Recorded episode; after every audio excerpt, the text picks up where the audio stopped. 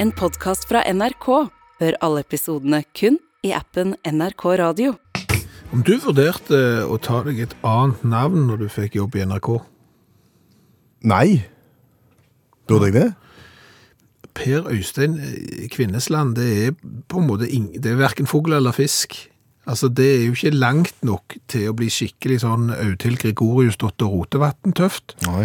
Eh, samtidig så er det jo ikke kort nok til å være litt sånn popstjerne-sexy. Per Øystein Kvindesland. Og så fryktelig lange e-postadresser. Veldig lange postadresse. Ja. Sier Bjørn Olav Skjæveland. Ja, stemmer. Du vurderte ikke et kunstnernavn du når du begynte i NRK? Nei, det, men jeg har jeg har begynt å tenke på det nå, og det er jo en, mange år for seint, egentlig. Men, men jeg, jeg tenkte på det når jeg så Brasil sitt eh, landslag i fotball. Ja, de heter tøffe ting. Ja, og De har jo egentlig sykt lange navn, og så forkorter de det litt. og Hvis det er én Ronaldo, så blir det gjerne en annen noe litt annet Ronaldo-aktig. Og hvis det er én som heter noe annet, så tar de og dikter litt noen bokstaver på slutten, og noen dikter helt. Ja. Så, så, så her er det jo et potensiale. Skjævelando. Har du tenkt på det? Ja, det har jeg tenkt på og slått fra meg umiddelbart, for det høres ut som en sykt dårlig tryllekunstner som kun opptrer på juletrefest. så det, det går ikke. Nei, det- det gjør ikke det. Men sant, så Per Øystein Kvinnesland, Ja. sant? det er jo ganske, det, det er litt nøytralt, og Bjørn Lars Skjævland også, det er jo nøytralt kjedelig. Mm. Altså, du, får- det er sånn, du, du får ikke nitimen da, altså det blir ikke reiseradioen på deg, Nei. på en måte med det. Du blir ikke invitert til på nytt på nytt med Per Øystein Kvinnesland, men klart hadde du hatt ja, Hadde det vært Skjævelando, så, så Nei, ikke da heller, for det er den tryllekunstneren. Men hadde det vært et tøft navn, så hadde det kanskje hjulpet. Men du hadde ikke noe i ungdommen, noe kallenavn der, så det ga an å hente fram? Jeg har tenkt litt på de. Jeg hadde to. Ja. Det var litt i hva miljø jeg vanka i. Eh, hvis det var det kondisjonerte miljøet, så var det Bjørny. eh, var det litt den tøffere bastionen, de som fikk videospiller veldig tidlig, så var det Bønna. Da var det bønna, ja. Ja, bønna i, i reiseradioen, det er jo det, Du hører på eh, Utakt med Pøk, for det var deg, det var pøk. og, og Bønna i studio. Pøk svinger ikke heller. Pøk sa du. svinger ikke heller, nei. Nei, det gjør ikke det. sa du. Nei. Altså, for det, for, men du trenger jo ikke ha noe som ligner. Nei. Altså, du kan jo dikte fritt, for jeg ser eh, sånn som paver. Altså, de heter jo ikke det som de heter. Tøysepaver. Og Det, det, det, uff, det er dårlig. Altså, han som er pave Frans nå, han heter jo egentlig Jorge Mario, høres ut som et TV-spill, sant? Eh, men, men han heter jo det. Og, og, og det er jo 21 stykker eh, som har vært Johannes, eller John på engelsk, og det er jo fordi at de velger et navn som er en hyllest til sentrale folk i eh, kristendommen, for eksempel døperen Johannes. Ja. Ja, så he, du kan jo egentlig bare velge fritt, og jeg har tenkt litt høyt for deg. Ok. I forhold til forbilder som du kunne Ja, litt, litt som pavene, sant? Mhm. Forbilder da for eksempel i kringkastingen. Og så søkte jeg opp eh, NRK radiolegender, skrev jeg i søkefeltet. Skulle du kalt meg for Otto Nilsen? Ja, eller Knut Borge. Jeg, jeg kan jo ikke kalle meg noe som, som legendene heter. Det blir bare dumt. Junior, bak. Det er sånn som de gjør i Brasil, sant? Knut Borge jr. Knut Borge junior, for eksempel. Ja. Torkjell Bærulfsen Den junior. yngre. Ja, den yngre, ja. Ja. Eh, eh, Men jeg har, jeg har falt ned på to, så jeg tror du kan velge imellom. Jeg to, tror det er to som du kommer til å sette pris på. Mhm. Eh, det her er en hyllest, eh, så jeg ville kalt deg for eh, tangopøk. Etter Tango Karlsen. Det ringer ingen bjeller. Ikke jeg heller. Nei. Det Men burde det kanskje men gjort. Det sto på nettsida at det var en radiolegende, så, og tango foran er veldig tøft. Får ikke Nytt på Nytt da heller. Med tangopøk! Nei, jeg tror ikke det. Lodin Aukland. Lirekassen. Ja. Lodin Aukland jr. Nei. Lodinjo. Lodin, jo. Det har det. For å si, hvis ikke det virker, så virker ingenting. Hallo, ja. Hallais, Monsieur Klingsheim. Hei, Stavanger-smurfen. How are you doing, eh, go, go, go? Det går helt fint, men hvorfor snakker du engelsk? Jeg prøver å være litt internasjonal nå. Jeg eh, satser internasjonalt. Ok. Ja. På, Geit. på geit. Ja, eh, jeg, eller jeg skal lage gourmetrestaurant med geit. Som skal selge geiteting. Det skal være sånn pop-up-restaurant, ser du. Ok. Ja, for eh, Husker du forrige uke? Ja, Da fortalte du at du har kjøpt en masse med geiter. Ja, vi hadde skaffet mye geiter, ja, og, og så var det vel noe med premisset der som ble eh, noe feil. Eh, Du var, hang deg opp i den der Gi en geit-kampanjen, Ja. så vidt jeg husker. Ja. Så du tenkte at nå skulle du bli rike på å selge geiter, og så var det ikke sånne geiter det var snakk om. Du ødela litt med å si at du skulle på en måte gi penger til noen som skulle kjøpe en geit til noen en annen plass. Nettopp. Og dermed så brant du inne med 40-50 geiter. Nei da. Jeg har ikke brunnet inne med de. Nei vel. Hei, langt ifra. Her gjelder det å tenke proaktivt, eh, Klingsheim. Kvindesland. Ja, samme kan det være. Du må tenke proaktivt for det. Så, så vi har jo da eh, planlagt sånn pop-up-restaurant. At vi plutselig så skal vi lage en restaurant der vi skal selge all den gode geitematen vi nå har eh, driv og tilbereder. Og da nevner vi i fleng. Du kan f.eks. få råmarinert indrefilet av kje. Ja, det er ikke så mange som kjøper det, men OK. Det er klart det er det. Det er jo kjempegodt. Ovnsbakt eh, geitelår. Vi har òg eh, fryst ned ganske mange kilo med geitegryte i curry. Og, og, og vi skal jo òg eh, Akkurat nå så driver vi og lager ost av forskjellige typer, da. Ja, det er vanlig. Ja, det er ikke helt vanlig. Nei vel. Nei. Ge- Geitost har vi hørt om. Ja, men altså, nå står kajakken her og gikk litt skeivs, for jeg sa du må tilsette løpe, sa jeg. Løpe. Så sprang han jo etter kajakken. Så tok han av. Så, så det var ikke sånn jeg mente. Men han har lært seg det nå, så nå driver han med sånn myse og møse og, og løpe og sånn. Og så skal vi lage ost til desserten, da. Vi skal ha karamellisert eh, geitemelkspudding med et eller annet på toppen. Ja. Så, så nå jobber vi med det. Ja. Så vi har tatt livet av alle geitene, ja. Uff. Og, og tok ut alt det som vi skal ha av kjøtt og alt i sammen. Og melka de før vi tok de og sånn. Så det er bra. Vi kjøpte sånn en bok Ei bok. ja, om hvordan du skulle slakte og sånn. Å ja. Ja. Akkurat nå ser det ikke ut i garasjen til kajakken. Nei, Det vil jeg tro. Men, men eh, det ordner seg etter hvert. Heldigvis så, så var det, eh, er det kaldt, så det har ikke begynt å lukte ennå. Nei, men hva, var det- var det egne kapitler i den boka om hvordan tilberede geit? Nei, det står hvordan du skal ta ut sånn eh, Sånn koteletter og lår og sånn loins og eh, Jeg er litt usikker på hva alt Ja, ikke, ikke, ikke på geit. Nei, men det er overførbart Greit. fra, fra andre dyr, så det tror jeg har gått eh, helt fint. Ja. Så det vi jobber med nå, er hva, hva denne pop-up-restauranten skal hete. ja. Og da spør du meg, kanskje? Du er jo en ordsmed. Ikke en god en. Nei, men, men en ordsmed? Ja, Du, du liker jo sånn ordspill og sånn. Jeg, har- jeg har jobbet litt med geit nok. Geit nok for meg, ja. Ja. Ja, ja, ja. Det er ikke så dumt. Kjempeålgeit. Noen ganger er det ålgeit. Det er veldig bra. Noen ganger er det ålgeit. Ja, Ja ja, in the morning. vi har det nå, ser du. Jeg vil si noe om mitt forhold til geit, Klingsheim. Kvinnesland. For en uke siden så hata jeg geit. Nå elsker jeg det. Ja, det skjønner jeg. Etter å ha smakt på råmarinert indrefilet av kje, så vil jeg ikke ha noe annet. Jeg har veldig tro på, på, på ge- geit i curry. Ja, men den er veldig bra, for det som er med geiter, vet du Nå, nå må du skal jeg lære deg litt her. Ja. Det er sånn at både jøder og Det er sånn kos... ko- så ko- så kornmat. Kosher. Sånn, ja. Ja. Og hinduer og muslimer og, og alle de kan spise geit, så det er kolossalt eh, marked her. Lurt. Ja. Så her er det bare å dytte geit inn i dette markedet. Yes. OK, Noen ganger er det ålgeit. den er bra. Vi snakkes! Ha det. Would it be okay if I came home to you?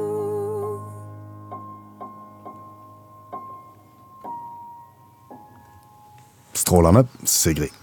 Home to you this Christmas, det er jo en jult opp versjon av eh, Home to you. Eh, og jeg jeg syns han er kjempebra. Ja. Men, men eh, jeg syns Sigrid har skusla vekk et eh, veldig opplagt poeng. Se det. Ja. For hun har tatt tek teksten til Home to you, og så som sagt hjult han bitte litt opp, bytta noen ord og gjort han litt mer sånn eh, julaktige. Og så er refrenget det liksom likt. Og så slutter hun Would it be okay if I came home to you? Det burde jo være Would it be okay if I came home to jul? Til jul, da blander du engelsk og norsk. Nei. Jul er jo det gamle engelske ordet for jul, og det ble jo brukt, sant? Chestnuts are open on an open fire. Yuletide carols being, sant? Han synger om juletide, jul, flere julesanger som inneholder det engelske ordet jul. Would it be okay if I came home Til for jul? Ja. Ja. All I want for Christmas is jul. Ja, all I want for Christmas is jul. Kanskje du skal ringe Sigrid og så si hva du har tenkt? hallo, hallo, eh, det er Skjevelando. Det er Kjevelando fra, fra Utakt. Ja. Jeg jobber sammen med han Lodinho i, i det der eh, radioprogrammet. Vi har en liten høne her som bør plukkes. Og det er teksten på denne juleversjonen din. Ja.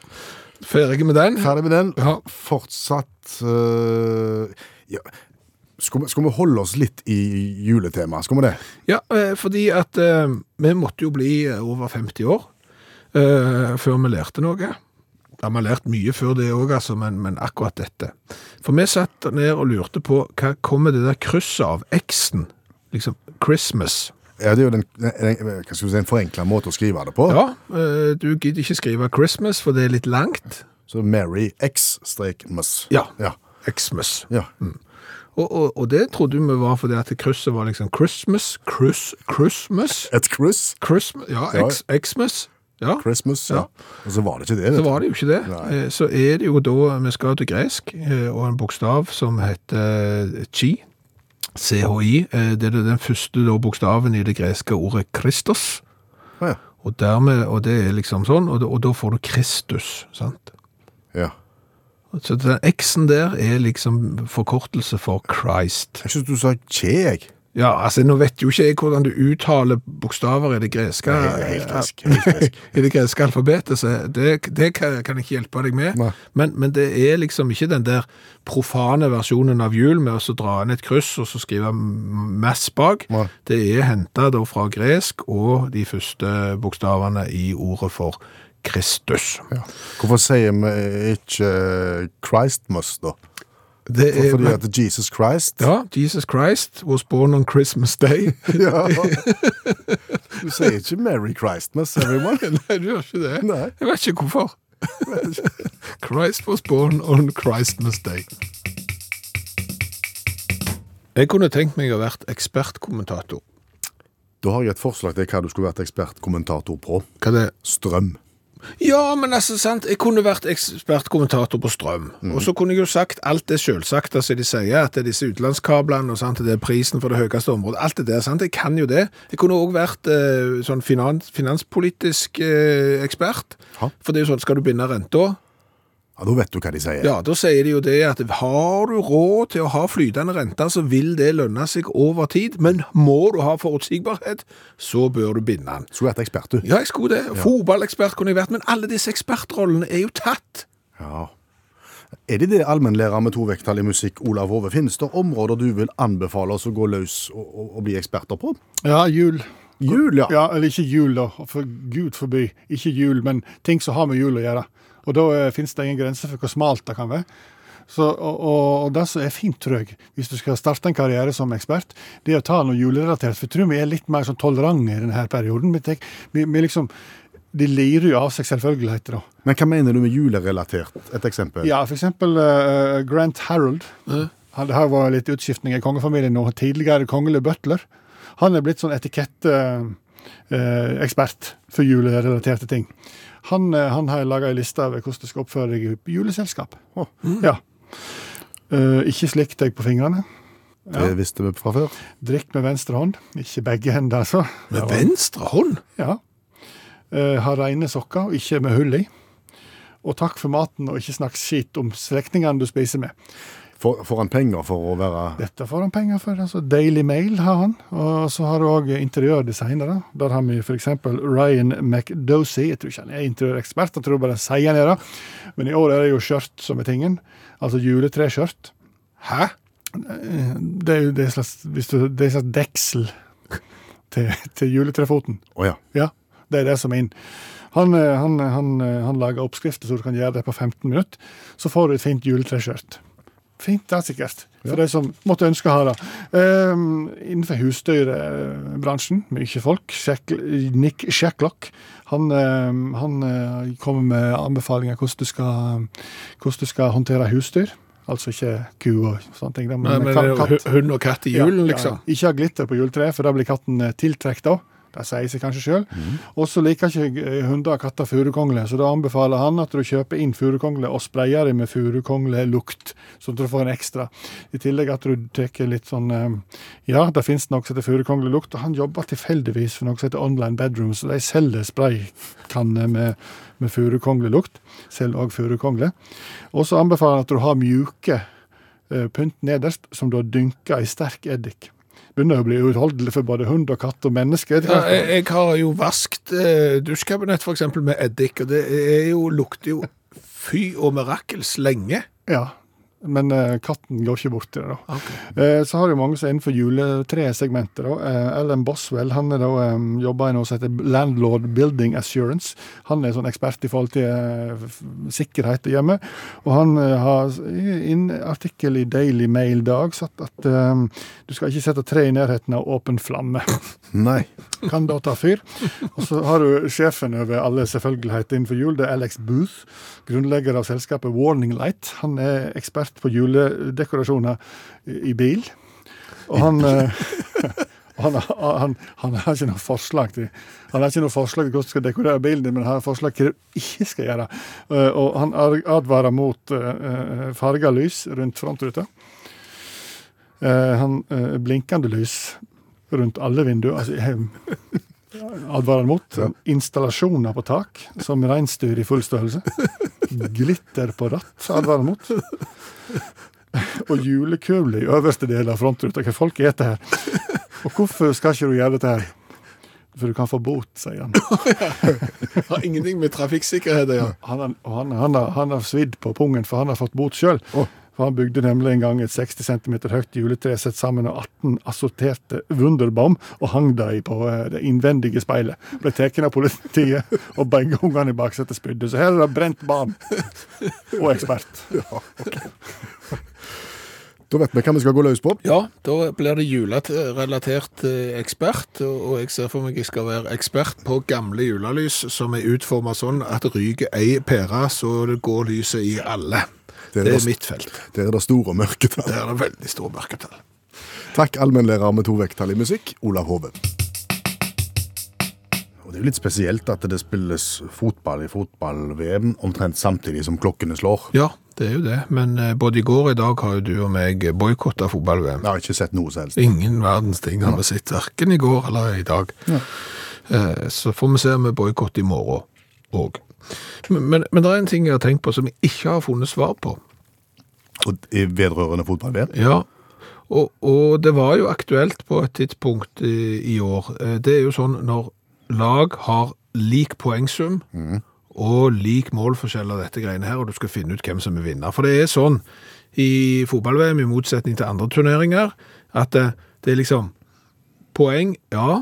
Hvis du da er A-poeng, så er det målforskjell, og ikke sånn innbyrdes oppgjør og sånn som det er en del andre turneringer. Nei. Og hvis det òg er likt, så er det det laget som har skåret mest mål, som går videre. Så hvis du har 8-8 i målforskjell, så går du videre hvis de andre har 4-4. Men så går det an å havne helt likt på det òg. Ja, og da begynte jo gule kort å gjøre seg gjeldende. Ja, det var, den var vi innom en Ja, stund. eh, Da var det sånn minus ett poeng på gult kort, eh, minus eh, tre på eh, rødt kort hvis du har fått to gule, og minus fire poeng på direkte rødt kort osv. Eh, Nå skal det sies at det har aldri kommet dit hen i fotball-VM at noen har hatt likt med gule og røde kort og sånn, og dermed vært A-poeng der òg. For hvis det hadde skjedd, hva må en ty til da? Loddtrekning. Det må være nitrist å ryke ut på loddtrekning. Jo, jo, men det, er det jeg har tenkt på, hvordan er den loddtrekninga? I praksis. Ja. Altså, jeg har prøvd å finne ut hvordan trekker da Fifa eh, lodd. Kanskje dommeren tar to hender bak ryggen og så spør hvilken hånd vil du Nei, ha? nei, nei, det kan han ikke gjøre. Å, nei. For du kan jo risikere eh, at det er ikke de to lagene som er på banen som skal trekke loddet. Det er bare det ene. Det andre laget er på en annen bane. Stemmer. Ja, Da går ikke det. nei. Og da blir det litt vanskelig med stein, saks og papir òg. Eller kasting av terning og best av tre og alt det der greiene der. Ja, går ikke det. Nei. Nei, men det er jo rom for, eh, for, for godt TV, tenker jeg. Ja. For det er jo en ekstremt dramatisk situasjon når dette her skal avgjøres. Og, og, og da vil jeg gjerne tilbake til Altså, stein, saks, papir tror jeg blir litt vrient. Men for eksempel eh, å kaste terning. Så tar du kapteinen til det ene lag, for det er jo TV-dekning. Altså, det er jo ordentlig, dette her. Det er jo, eh, det er jo TV-signal. Så må den bort til et bord, og så må man kaste en terning, Ja. og så klipper du til andre bane. Da setter du over til det andre laget, og så må de trille òg. Er de høyere eller lavere? Eh, Er- Er det likt, så er det en omtr- omtrilling. Jo, men altså, kan du jo gjøre det. Må da dra det litt ut i tid. Det er jo sånn, også, sånn alle sånne konkurranser sånn. Og den som skal forlate oss i kveld er musikk. Du, du, du, du, du, du. Kan du ikke bare si det? Nei, vente, vente, vente. Her, her har du sjans til å vente. Gjør veldig spennende. Du kan gjerne kaste tre ganger eller et eller annet. Jeg har en enda bedre idé. Hva det? Kom på den akkurat nå. At hvis du, du altså, Med utgangspunkt i at vi er på forskjellige steder, så det er, ikke, det er ikke lett å få gjort det der og da, men seinere på kvelden, eventuelt neste kveld, seint, seint, seint, så inviterer du de to lagskapteiner til nattest.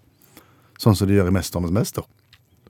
Og her sånn, så kan du stå på én fot og balansere så noe skal- mens du tar, tar ned en lysende pinne. eller noe sånt. Ja. Så kommer Messi, og han er 1,40 meter høy mot en eller annen fyrtårn som har stått i mål for, for et annet. Ja, men Tenk for et drama, Ja, da! men det var kjempetøft. To lag i nattest. Ja, det er bare så synd at i verdenshistorien, så lenge det har vært fotball-VM, så har det aldri vært aktuelt. Nei. Men du ringer bare til han Infantino. De er så lette å komme i kontakt med de, Ja. den gjengen Og der. han, han er åpen for han, mye. vi er åpne for mange nye forslag.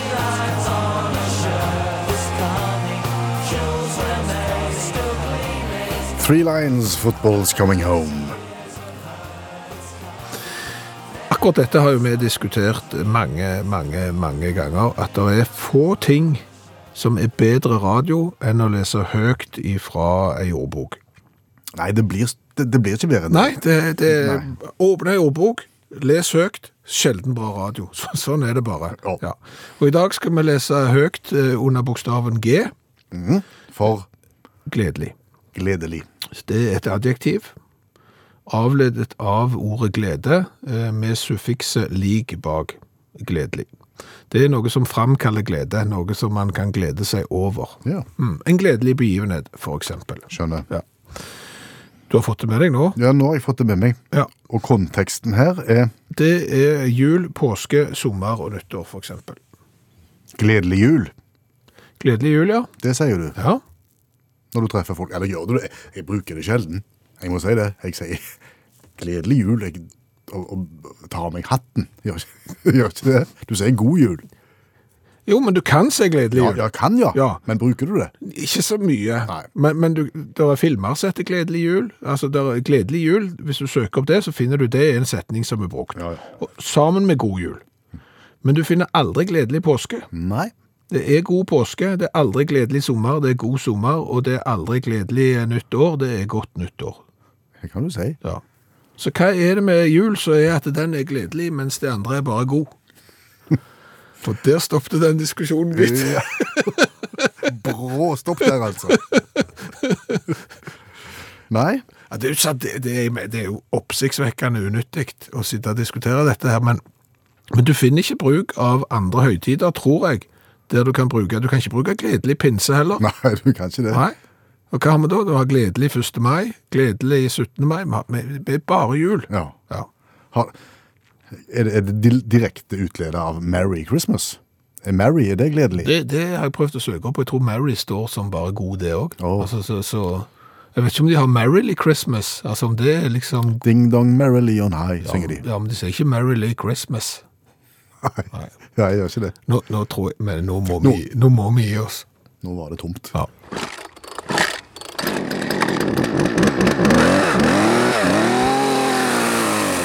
Han virka. Sunna virka. Skal vi da benytte anledningen til å gratulere alle lydteknikere med dagen? ja, det skal vi. Gratulerer med dagen. 1-2-1-2. Det er den internasjonale lydteknikerdagen i dag. Ja, eh, og jeg tror nok ikke det er en sånn en dag som er Ratifisert. rett... Nå bruker du Hva betyr det? Det orker jeg ikke å forklare her nå, men du, du skjønner hva jeg mener. Ja. Men Det er ikke en sånn, det- jeg tror ikke det er en dag som den internasjonale lydteknikerdagen ligger nok ikke inn under sånn FN-dager og sånn, men, men han har vokst fram Ja. eh, i årenes løp, og, og datoen er jo ikke tilfeldige, for det er 12. desember, 12. i 12. og tar du og deler opp 12, så får du 1, 2, Og deler du opp tolv en gang til, så får du én, to en gang til. Og hører du en lydtekniker på jobb, så hører du kanskje 1, 2, 1, 2, 1, 2 når han tester mikrofonen. Og Så dermed Det får du blir fiffig. Det er veldig fiffig. Det er kjempebra. Og, og lydteknikere forteller jo- fortjener jo all den hyllest de kan få. Eh, Jeg har jo, Det var min første jobb i NRK, var jo som eh, radiolydtekniker. Eh, Da får du mye pepper. Ja. Ja, ja. Og, og klart enda verre hvis du er lydtekniker eh, på konsert og må forholde deg til vokalister som hele veien skal ha litt mer av seg sjøl i monitor. Så later du bare som om du skrur bitte litt. Så sier de så, så, det, der ja, der ja. Så har du ikke skrudd noen ting. 1, 2, 1, 2.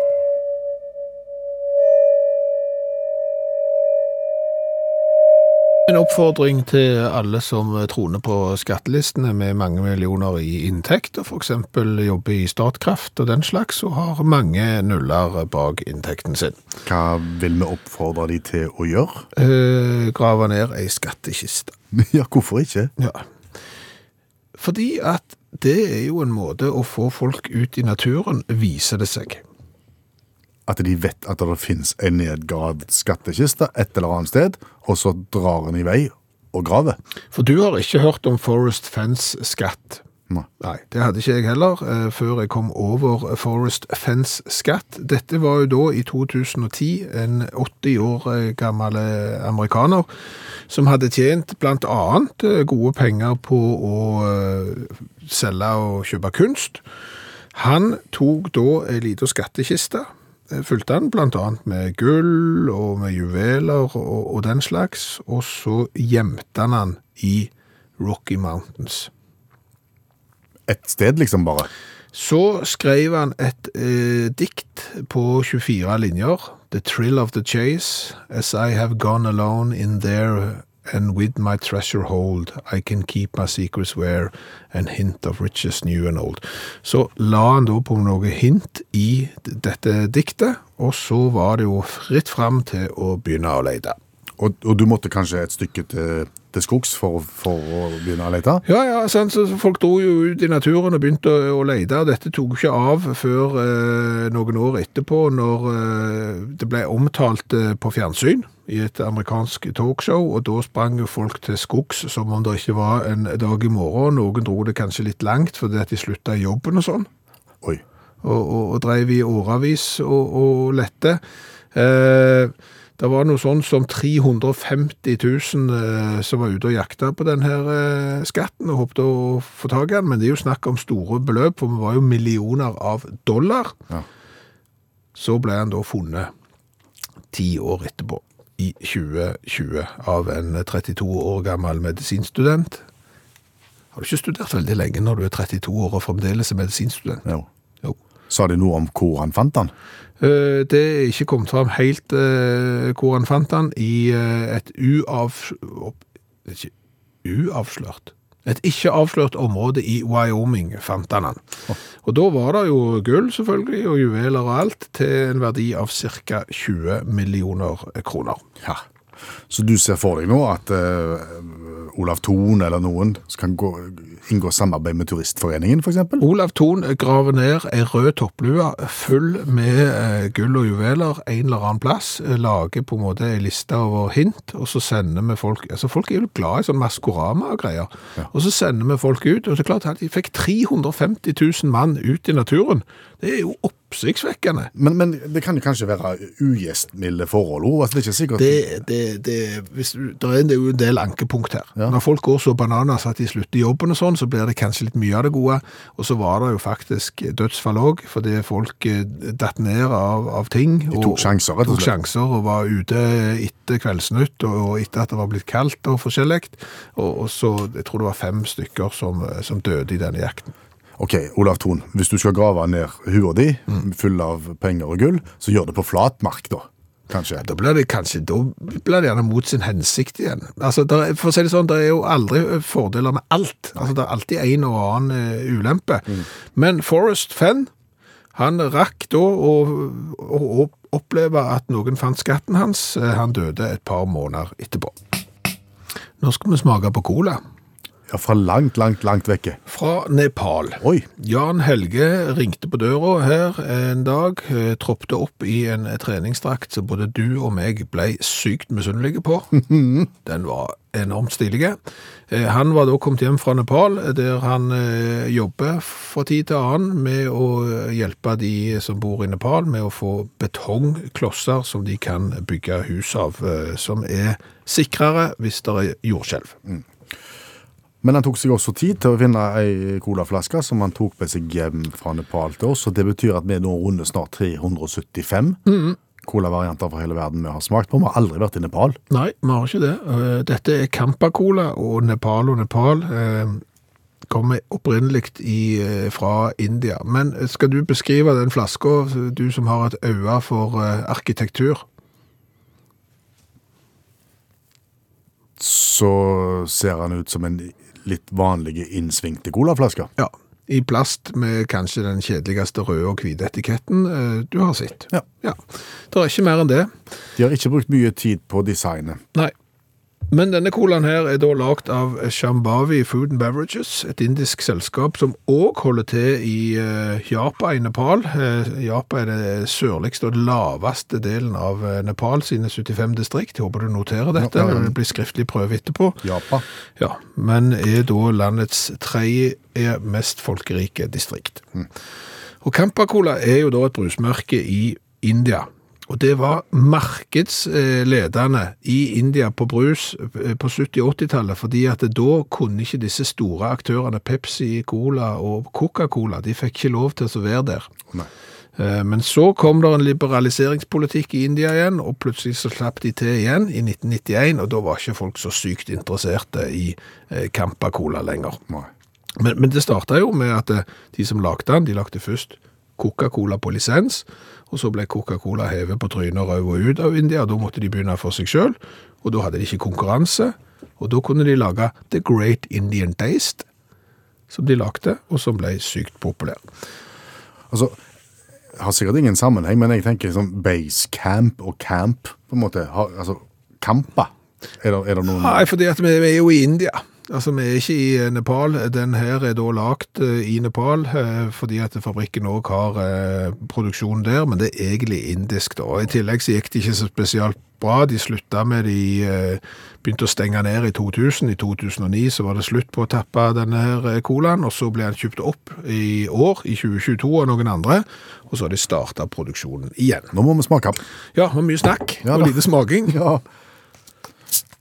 ja, det var iallfall litt kullsyre å høre igjen på veien fra Nepal.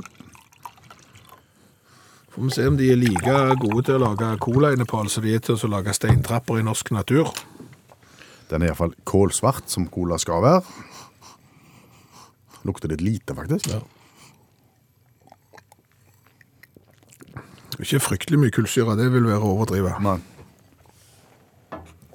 Veldig søt. Mhm. Ekstremt søt. Den Vi kunne, vi er på nivå med gløgg. du kan ikke ha mange av den før du blir kvalmen. Nei. Men det er jo ikke- det var ikke vondt. Nei, ikke vondt, og og det smaker cola for alt i Mhm. verden, men bare ekstremt søt cola, vil jeg si.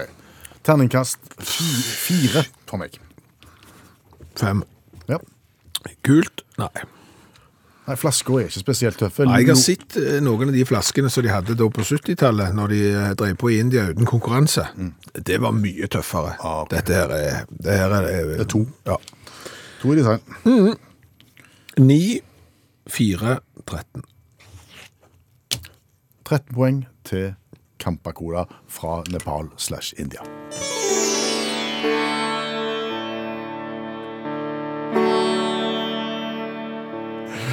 Hva er tema? 100 glimrende organisasjoner vi ikke har hørt om. 100 glimrende organisasjoner vi aldri har hørt om. Spennende. Det, det er veldig gjentagende det du sier, men det er jo det.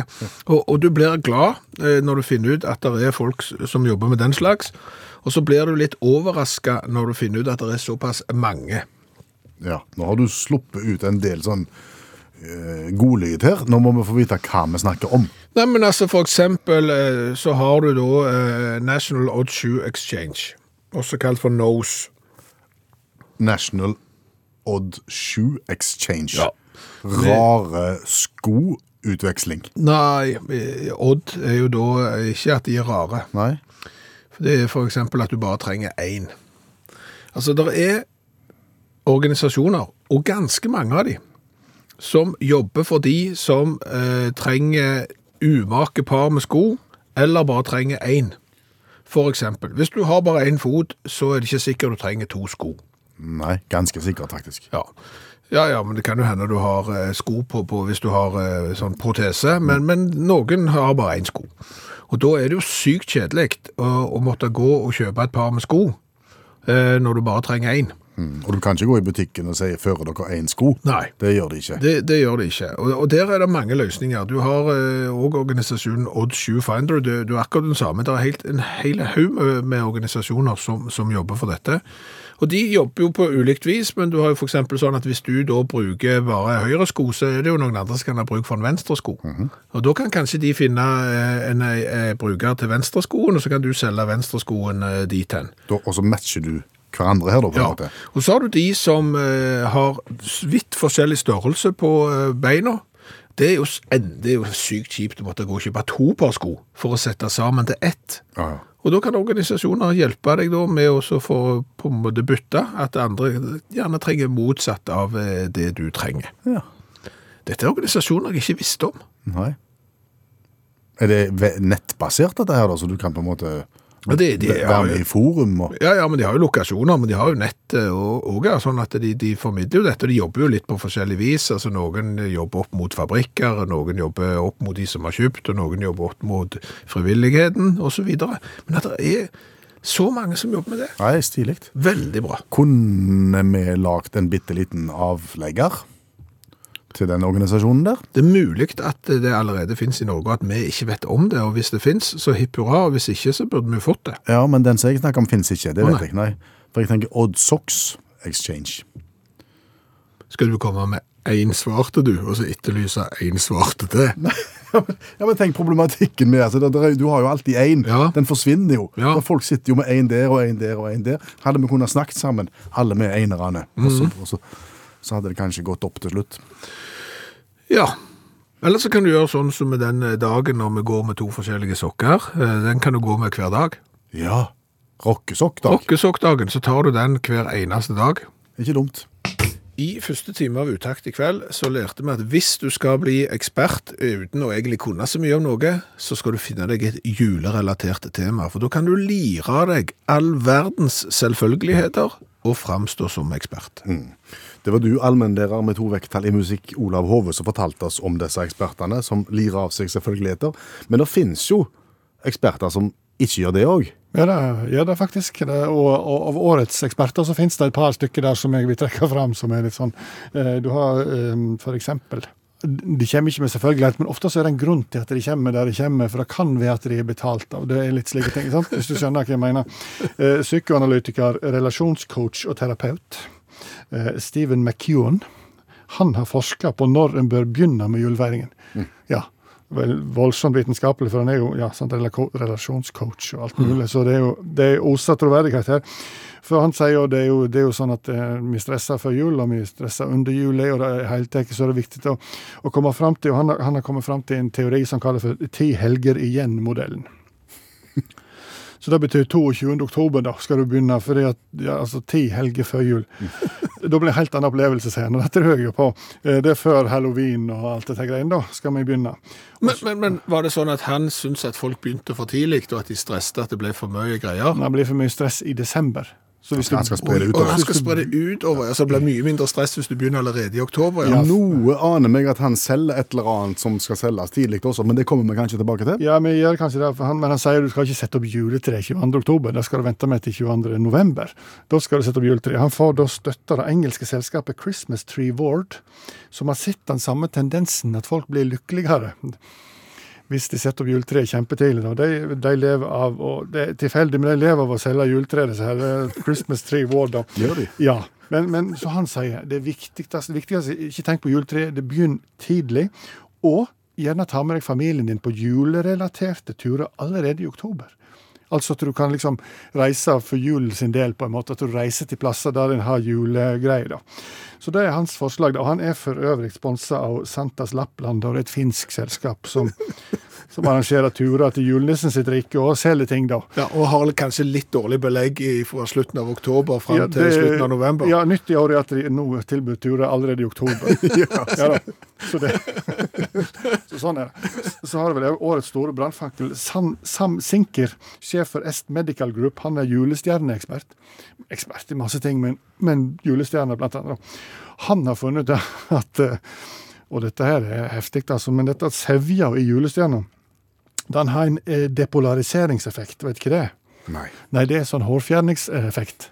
Vi snakker med planten julestjerna nå. Yes, vi snakker om planten julestjerne. Ja. Har, har du vært mye i kontakt med julestjerner? ja, Robert? det er jo det som er poenget. Vi hadde masse når jeg vokste opp, og her har jeg jo sånn sant? Hadde jeg vært i stetta, sant? så skulle jeg Og, og ikke, mi- ikke, ikke bare det, sier han, det er at eh, hvis du får sevja i eh, sveisen, eller andreplasser på kroppen der du har hår, og for oss menn så er jo det overalt, sant? Så, så vil du permanent fjerne hår, da, sier han. Og dette her er det har jo vært litt, eh, vært litt støy rundt, fordi at eh, en sier at det betyr alle folk i blomsterbutikker må miste hår, da, liksom. Så han modererte seg litt, da og sier at det forutsetter langvarig eksponering av julestjernesevje. Mhm. så, så noen timer ja, anslår han, kanskje oppimot tolv timer. Så hvis du legger deg på sofaen med julestjerna, så du gnurer oppi håret ditt, så kan det være at du mister håret. Altså. Jeg veit ikke helt, altså. Men, men, men, men det, det er slik det er, altså. Han jobber altså sånn, han driver med dette er jo fritidsaktivitet. Han forsker på slike ting. Han, han transplanterer hår, da, faktisk. Han gjør det, ja. ja det er det han driver med. Jeg stoler ikke på forskninga hans, for eh, i min ungdom, rett etter jeg hadde fått sertifikat, så fikk jeg jobb fra en blomsterbutikk og kjøre ut 400 julestjerner til pensjonister i et selskap. Holdt på i dagevis, og bilen var Men- proppfull av Men gnu, julestjerner. gnurte du mot sevje? Ja, men gnu, det var fullt, Ja. og jeg har alt hår intakt. Ingen regler uten unntak. Takk skal du ha, allmennlærer med to vekttall i musikk, Olav Hove.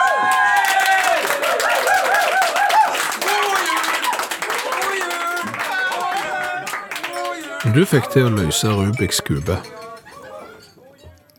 Ikke uten å plukke han fra hverandre og så sette han sammen igjen etterpå. det, det gjorde jeg òg. ja. Det var de som også eh, tok av eh, teipen, altså fargene, og bare bytta rundt. Det kunne du se at de hadde gjort. Ja. Eh, hvis du ikke kjenner til Rubiks kube, skal vi forklare det bitte litt nå. Eh, det er en ung kube, eh, oppfunnet av Rubik. Fra Han er ungarer, eh, fant opp den her i 1974, eh, begynte å selges internasjonalt i 1980, og de to neste årene så solgte de noe sånn som 100 millioner eksemplarer på verdensbasis av Rubiks kube. Ni firkanter på hver side, med forskjellige farger, og så kan du vri han til i Altså, han kan omorganiseres, eh, ifølge produsenten her, på 43, og så 18 nuller bak. Å hjelpe oss. Eh, ulike måter. Ja. Helt vilt. Helt vilt. Og så var poenget da også å klare å få han tilbake igjen til utgangspunktet med, med hele farger på hver side. Ja. Eh, og jeg er jo i samme båt som deg. Vi har seilt mye i samme båt i dag kveld. Ja. Eh, jeg fikk den heller ikke til. Eh, Jeg tror rekorden er to sider. Ja, det tror jeg òg. Eh, og plukket den fra hverandre og satte den sammen igjen for å få den he hele. Men da er det jo en trøst at oppfinneren sjøl sleit han òg. Rubik. Rubik, ja. Altså, han eh, jobbet visstnok eh, fram denne ideen i mora sin eh, leilighet eh, i Budapest, eh, sier de som har eh, papirene i orden. Og så var det jo ikke eh, plastikklosser han begynte med, det var treklosser bundet sammen med eh, teip og papir og eh, strikk og, og forskjellig eh, for å få han til. Og så skulle han da løse han. Og det brukte han jo sykt lang tid på. Han brukte en hel måned på å løse sin egen kube. Jøss. Det er en trøst. Det er en eh, trøst, Eh, fordi at hvis du eh, da ser på de som har eh, løst det raskest i verden, så er det ikke en trøst. Husker du han vi hadde besøk av i studio her for noen måneder siden? Ja, Det var så imponerende, men samtidig så frustrerende. Du- Du får lyst til å juble, og samtidig gir de en liten klaps. Ja, for det var, det var snakk om sekunder. Ja. Verdensrekorden, det er Yu Seng Du. eh, fra Kina, som har eh, Guinness verdensrekord på kuben 3,47 sekunder. Det er helt vilt. Ja, det er meningsløst. Lever Rubik? Eh, Det har jeg ikke sjekt. Eh, Alt, alt du spør så vanskelig. Rubik, han lever. Han lever. Mhm. Og hun sliter fortsatt med, å- Han, med, han, med han, kubben har- han har sin. sikkert lært det nå. Det, det går, jeg tror det finnes kurs, så du kan lære å bli god. Ja. Ja. Jeg konstaterer at i pressen, i media, Ja. eh, så står varme og kulde eh, på ulike steder. Det skjønte jeg ikke. Nei. Skal jeg forklare. Eh, For jeg har hengt meg opp i noe eh, når jeg så en overskrift eh, i dag. Henta fra Det var fra Verdens Gang. Ja vel, Det er noen som bruker det lenger. jeg. Du bruker Verdens Gang. Ja. Sibirkulde over hele landet og Europa er overskriften. Sibirkulde, ja. Ja. Både Sibir og den franske rivieraen kan mandag skilte med minusgrader. I Norge går det mot jul, eh, hvit jul flere steder. Overskriften der altså. Sibirkulde over hele landet og au- Europa. Eh, hvis du da ser på en tilsvarende overskrift eh, fra sommeren. Nå kommer sydenvarmen. Ja. Mot slutten av denne uken kan noen deler av landet vente seg temperaturer som kan måle seg både med Italia, Spania og Hellas. De er på en måte like, da, disse overskriftene, bare med motsatt eh, temperaturfortegn. Nei, fordi at nå kommer sydenvarmen. Ja. Da er det sånn at store deler av landet kan vente seg temperaturer som er like som Syden. Altså samme temperatur som de har i Italia, Spania og Hellas. Er det ikke sånn med Sibirkulden? Nei, Nei. for når Sibirkulden kommer over hele landet og Europa, da er det for eksempel minus 1 grad i Amsterdam, der er minus 2 grader i Paris, der er minus 4 i Milano, og der er faktisk en minusgrad eh, ned mot Rivieraen også. Men hvor kaldt er det da i Sibir? Ja, hvor kaldt var det for eksempel i Omjakon i dag? Minus 60. Ja, Det er verdens kaldeste by. ja. Ja. Er det da Sibirkulde for eksempel også da i vår eh, et område som har minus Mm. 4? Nei. Nei. Men det er kanskje en liten eh, flik av Sibirkulden som har drussa over oss, kan vi si det? Altså, Det kan jo hende at den der kalde, det er jo gjerne det kalde lufta kom jo der, men det har blitt betydelig mildere underveis. Så, så det er jo å overdrive. det. Ok, det er kaldt i nord. I Finnmark minus 32, minus 28. Det, Det er Sibirkaldt. det er iallfall nærmere Sibirkaldt enn eh, f.eks. eh, Amsterdam og eh, Lindesnes. Det- Det er det. Men minus 60 i Omjakon, altså. Ha, har de strømstøtte, tro?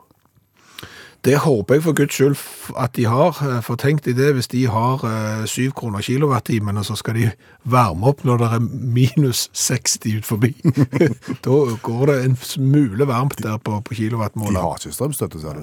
Nei, de har De ikke det. har ikke det, sa du. Men de har kanskje mye gass, så de ikke får selge til Europa, fordi at han Putin har funnet at det er et bra krigsmiddel. Hva har vi lært i kveld? Vi har lært mye. Eh, Tommy har eh, lagt ut et eh, bra innlegg på Facebook-gruppa som heter Utakt for og av fans. Det er jo gruppa som eh, du som hører på Utakt og liker det, er med å styre. Der han forteller litt om gledelig jul, for vi konstaterte jo at du sier god påske, god sommer, godt nyttår og sånn, og god jul, men du sier kan si gledelig jul, men du kan ikke si gledelig påske. Nei. Nei. Men kan du si gledelig jul når som helst, da? egentlig? Nei, og det er der det eh, kom inn fram til julaften i fem, eller egentlig kanskje klokka seks, som er den jødiske starten på neste dag. Altså her må du gå inn og lese Tommy sin forklaring, så skjønner du litt av eh, hvorfor det blir god jul og gledelig jul. Og Ok. overgangen mellom der. Du bruker gledelig jul fra femtida på julaften og utover, liksom. Skjønner. Det har vi lært, eh, og så eh, har vi jo lært at jul, når vi er inne på det, eh, det er jo gammel engelsk ord for jul, og skrives Y-U-L-E. Ja. E. Det har vi lært. Eh, Så har vi lært at hvis vi skal bli ekspert i noe, så skal vi bli ekspert i julerelaterte ting. ja, for det, det er enkelt. Da kan du bare lire av deg selvfølgeligheter, Mhm. og så er du en ekspert. Ja, så finner du bare et litt smalt tema innenfor jul. Eh, Vi har jo vurdert for eksempel å bli eksperter på sånne juletrelys som har sånne pærer at går en, så går alle. Ja. Og du konstaterte at der var der. Mm. Der er det store mørketall. Ja. Den er veldig bra. Ikke sant? Ja. Så har vi lært at det er den internasjonale lydteknikerdagen i dag. eh, Er det 12. i 12., eller 1-2? 1-2. Stemmer. Og så har vi jo en- lært det av Forrest Fenn, at eh, hvis du graver ned en eh, skatt som bare er verdt nok penger, så får du plutselig folk ut på tur. Hvor mange hundre tusen var det som var av gårde? Eh, I en tiårsperiode ble det anslått at 350 000 mennesker var ute og lette etter denne skatten, som ble funnet for et par år siden, og da hadde han en verdi på ca. 20 millioner eh, kroner. Det er friskt. Ja, det blir kanskje litt mye når folk sier opp jobben og sånn for å begynne å lete etter ting, og noen mister jo livet òg fordi de datt ut for høye ting. Så det er jo ikke så bra. Så har vi lært litt om eh, Campa-cola, Fra Nepal eller fra India? opprinnelig fra India. Solgte mye i India, helt til Coca-Cola og Pepsi kom tilbake på banen. Da solgte han ikke så mye, så la de han ned. Sto opp igjen fra de døde i år, og har nå òg fabrikk i Nepal. Sykt søt, men smaker cola. Ja. Og så har vi lært det at mannen bak Rubiks kube, eh, han brukte en måned på å løse han sjøl, så det kan jo være en fattig eh, trøst for eh, alle oss som ennå ikke har fått det til. Ok, da tenker jeg eh, det var det jeg. Ja. Presenter deg sjøl. Hei, jeg heter Bjørn Lars Skjæveland. Chevelando. Ja, nå ja, når vi skal skifte til radionavn. Nei da. Du er Lodinjo, du. Etter Lodin Aukland. Eller Per Øystein Kvindesland. Tra-la-la-la-la-la. Jaha, det var ikke mer. Sett nå kaffekjelen over og slapp av, og kos deg litt. Takk for nå. Du har hørt en podkast fra NRK. Hør alle episodene kun i appen NRK Radio.